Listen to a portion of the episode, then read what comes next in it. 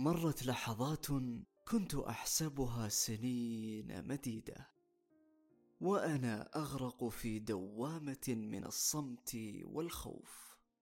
رفعت يدي صرخت تألمت ثم بكيت.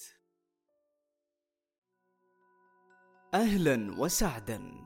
هذا بودكاست تفاصيل نروي فيه مذكرات ومواقف وقصص من أيام لا تنسى. عاشها طواقم الخدمة الإنسانية في السلك الصحي. أحداث غيرت مسار حياتهم ومواجهات كانت بمثابة المحكات التي صقلتهم للأفضل. في هذا البودكاست نشرح التفاصيل لنعرف الموقف. الشعور الأثر. وننسج لكم منها قصصا ملهمة. تأخذنا الحياة إلى مسارات نجهلها وتضعنا وجها لوجه مع الكثير من المنعطفات. لنخرج منها بشخصيات جديدة وقناعات مغايرة. بعض المواقف قادرة أن تصنع التغيير وتنسف المعتقدات وبعضها يخلق لنا فرصا جديدة نتعلم منها أن ندرك قيمة الحياة والأشياء من حولنا وأن مواطن الألم قد ينبت منها أغصان من الأمل. قصة اليوم من ذلك النوع الذي يبدو عاديا وغير متكلف ولكنها استطاعت أن تصنع قرارا وقرارا مصيريا لحياة أحدهم. هذا فارس. استنطق ذاكرته وقال كنت دائما ذلك الفتى الشقي. أقصى اهتماماته أن تسليه لعبة. لعبة يكمل بها ساعات يومه. بلغت السادسة عشر من العمر وبدأت رحلة اكتشافي لذاتي ومن هنا بدأت القصة. في الرابعة عصرا من مساء تسوده الطمأنينة والسكينة وفي أحد الأيام الشتوية البهية خرجت مع رفقة من اصحابي لأحد الأماكن البرية. وكما هي العادة اقترح أحدهم فعالية ركوب الدراجات النارية. ارتفعت وتيرة الحماس وقرر أحد الأصدقاء أن نعقد تحديا لصعود أحد الجبال في المنطقة ثم ننزل منه بسرعة عالية. وتحين نقطة النهاية في عمق الوادي المقابل. وقدم عرضا مغريا بأن الفائز لن يكون عليه القيام بأي مهمة ولن ينصب الخيام وسيكون ملك النزهة. قبلنا التحدي وانطلق كل واحد منا في اختيار دراجته النارية. أما أنا فقد اخترتها بيضاء اللون. سألت عن قيمة استئجارها لمدة ثلاثين دقيقة أجاب صاحبها ثلاثون دقيقة بثلاثين ريالا يا صديقي. لم يخطر لي أن تلك الثلاثون دقيقة ستغير مجرى حياتي بالكامل. بدأنا التحدي وانطلق السباق. مضى الوقت كلمح البصر لم يتبقى سوى دقائق معدودة. وبينما أنا أحصد طلائع الفوز وأعد نفسي لمراسم الانتصار فاجأتني تلك السيارة السوداء القادمة نحوي. أدركت أن الموت حتمي وأني هالك لا محالة.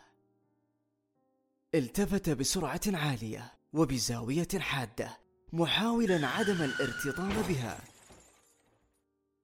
فإذا بي ملقى على الأرض بين الصخور الصلبة مغطى بالدماء وما هي إلا ثوان وفقدت بعدها الوعي تماما. في مكان آخر فتحت عيني بصعوبة بالغة رأسي يؤلمني. الأجهزة الطبية حولي؟ ما هذا الصوت؟ أين أنا؟ لماذا جسد مملوء باللفافات القماشية؟ ماذا يحدث؟ مرت لحظات كنت أحسبها سنين مديدة وأنا أغرق في دوامة من الصمت والخوف. رفعت يدي صرخت تألمت ثم بكيت. تقدم لي أحدهم وقال لا بأس عليك يا فارس لا تخف أنت بخير وجميعنا حولك. وأخبرني بعدها بقصة نقلي من ذلك المخيم إلى المشفى. بعد تعرضي لحادث انقلاب وكيف أن الله كتب لي عمرا جديدا. كل شيء كان مربكا إلا حروف ذلك الممرض. وكلماته الدافئة بأني سأكون أفضل حالا بعد أيام قليلة. استجمعت قواي وأخذت أتأمل ما يحدث حولي. هذا مريض مصاب بالحمى في السرير المقابل وهذا بجانبي يئن من ألم في بطنه. وهناك آخر في سرير بعيد تم تشخيصه بكسر في الجمجمة الخلفية.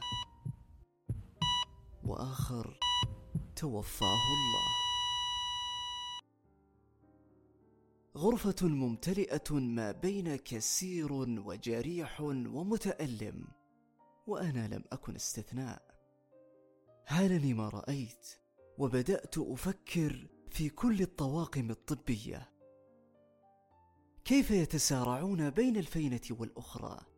ممرض يداوي ممرض يجبر خاطرا وممرض مرافق لهذا ومودعا لذاك.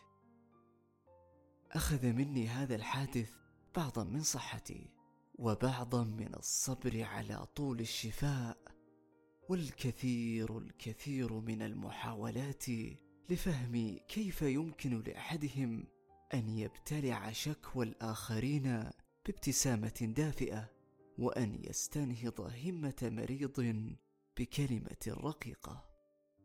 كيف لشخص يرى الموت والحياة واليأس والأمل في يوم واحد أن تكون لديه القوة والقدرة على الاستمرارية. كيف لشخص يشاهد بناظريه كل المشاعر والعبرات ويلتزم الهدوء ويبتسم حتى يعود لبيته ويكرر هذا يوما بعد يوم محتسبا أجره على الله. لقد ترك ذلك الممرض أثره في ذاكرتي وتركت هذه المهنة بصمة في قلبي. إنها حقا مهنة العظماء مهنة الرحمة التي تمحو الشقاء الرحمة التي يسمعها الأصم ويراها الأعمى. مهنة القلب الرقيق ودماثة الخلق مهنة الرفق التي تلاطف الغرباء وتكرم بلينها كل الأحباء.